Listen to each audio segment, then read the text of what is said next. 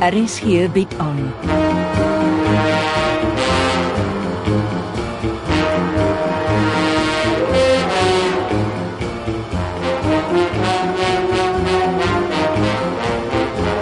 Agendas deur Jo Kleinhans.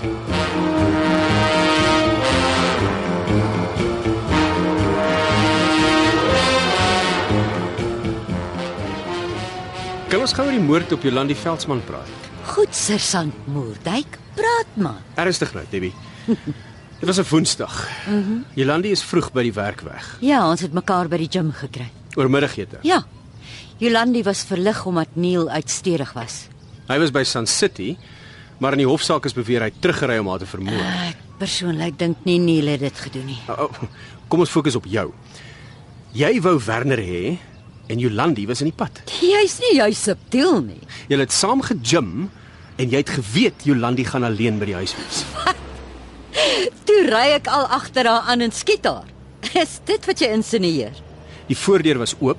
Twee wynglase was op die tafel. 'n Gesellige kuiertjie wat op 'n koelbloedige moord uitloop. Het jy Matilda van Wyk ondervra? Sy is beslis nie op my lys van verdagtes nie. Hoekom nie? Magtig, sy rou nog oor haar dogter. Miskien moet jy jou neus uit polisiewerk hou en doen wat jy die beste kan. Breek by persele in en steel inligting Maar probeer jy vir my sê. dat jy nie 'n speurder se agterend is nie. Wat weet jy van Matilda wat ek nie weet nie? Matilda en haar dogter het soos kat en hond beklei. Ek weet Jolande en haar pa het nie goed klaar gekom nie. Mm, Jolande en haar ma nog minder. Maar jy skiet nie iemand omdat jy meningsverskille het nie. As jy so sê Sherlock Holmes, Jy en Matilda ken dus mekaar. ek het haar destyds ontmoet. Ek dink steeds sy het nie om dowe neute by my gastehuis opgedaag nie. Jy weet hoe? Uit al die gastehuise in Pretoria boek sy by myne in. Wat probeer jy sê dat sy agter jou bloed aan is? Ek weet nie. Miskien het sy op Jasper die Jager gefokus. Onthou hy het ook daar gebly. Het jy my verloor? Jong, daar's verbintenisse tussen die Jager en Neil Veldsmann. Aanvanklik het ek gedink sy beskou die Jager met groot agterdog. Hulle lyk vir my soos ou vriende. Ah, miskien het 'n front wat Tannie Matilda voorhou. Hoe so? Jy's die speurder nie ek nie. Vergeet van Matilda. Kom ons praat oor jou en jou lekker erfporsie. Nee, jou tyd is verby en ek het 'n afspraak wat wag. 'n Ligte wenk, Sherlock. Probeer eers jou loopbaan red voor jy moordsake probeer uitpleis. Met groot respek, sergeant. Jy beïndruk my glad nie. Moordondersoeke is duidelik nie jou sterkpunt nie.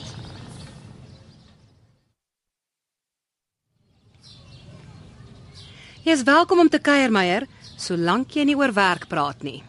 Wil jy nie weet wat die minister vanoggend vir my en Frank te sê gehad het nie? Jy en Frank nogal. Hoekom wil ek weet? Ek tel duidelik nie by die minister nie.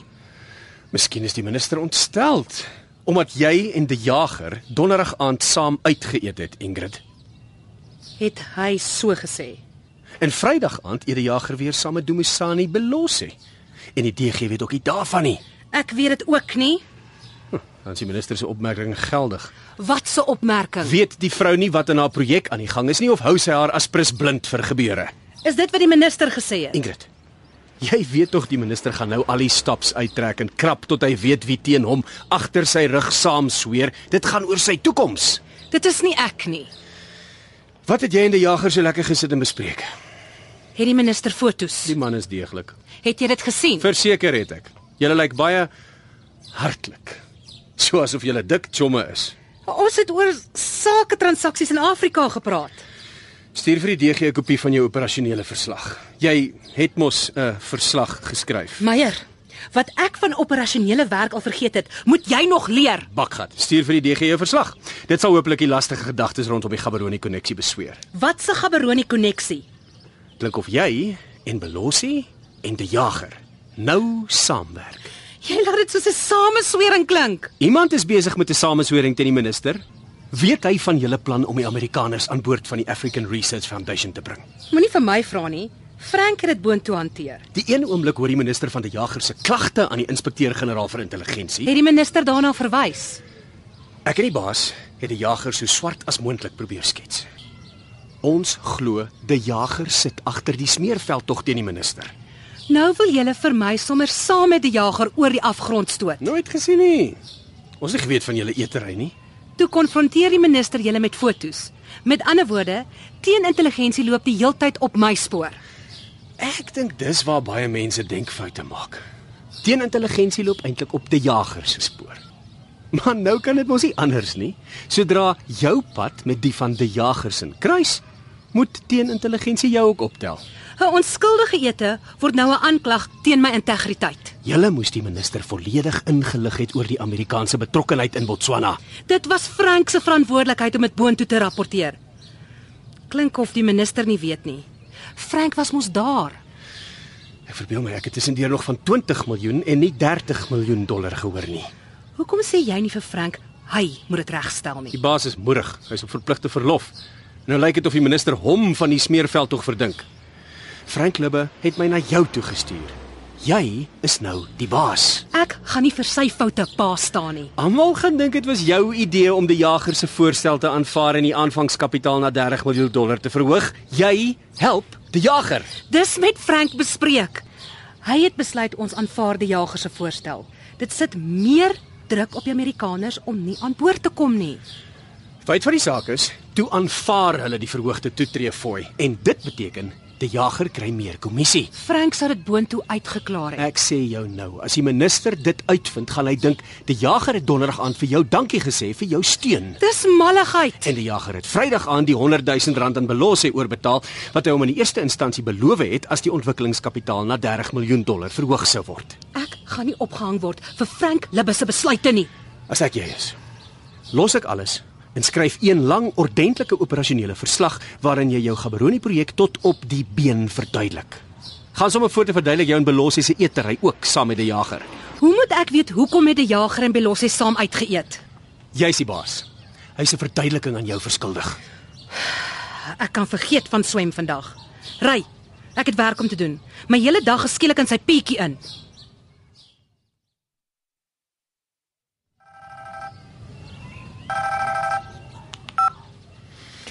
Ja, ou Ingrid.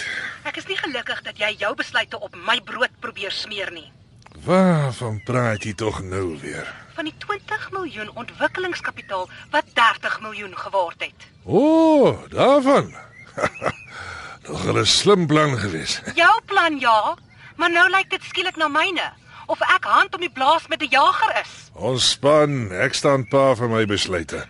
Volgens Moerdijk is my ete met 'n jager donderdag aand nou die fokus van die sameswering teen die minister. Het jy gedrink?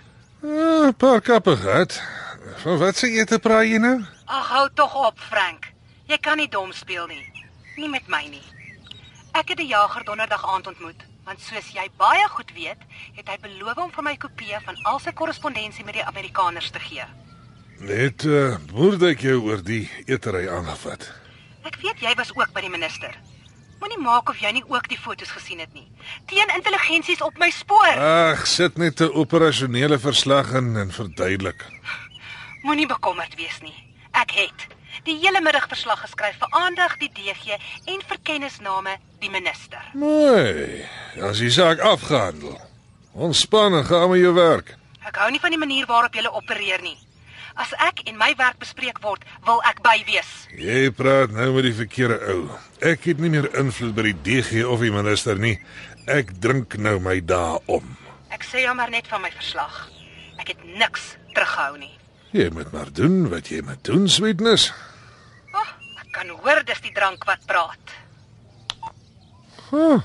Sê nie eens ordentlik tatter vir my nie.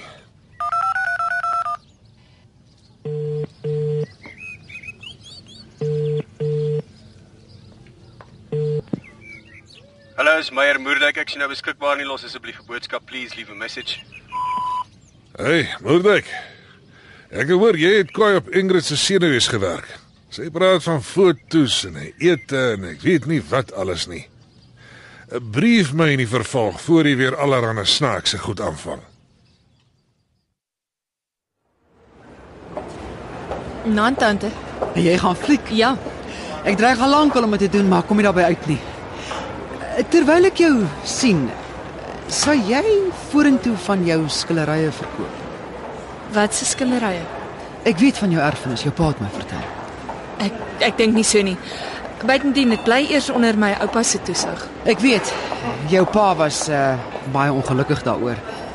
Jou ouma het 'n paar van Irma Stern se werke. Ek dink so. Haar skillerye behaal astronomiese pryse op veilinge. Ek het gesien uh, 10 van haar skillerye is vir meer as 200 miljoen rand verkoop.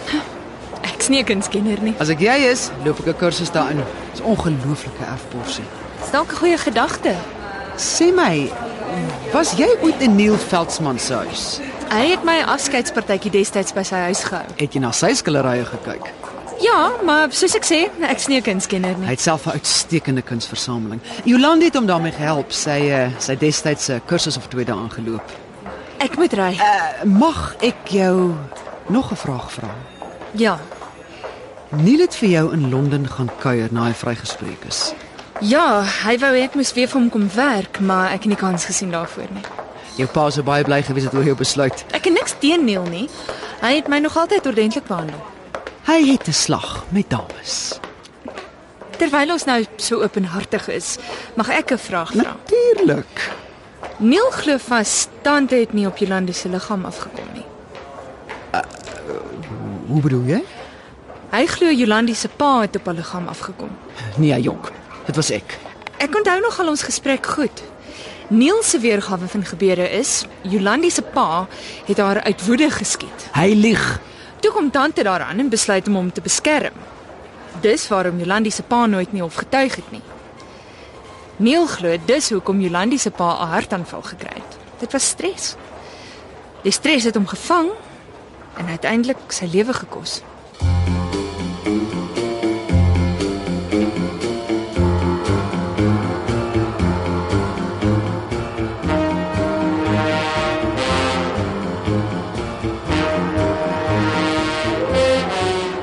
Agendas word geskryf deur Joe Kleinhans.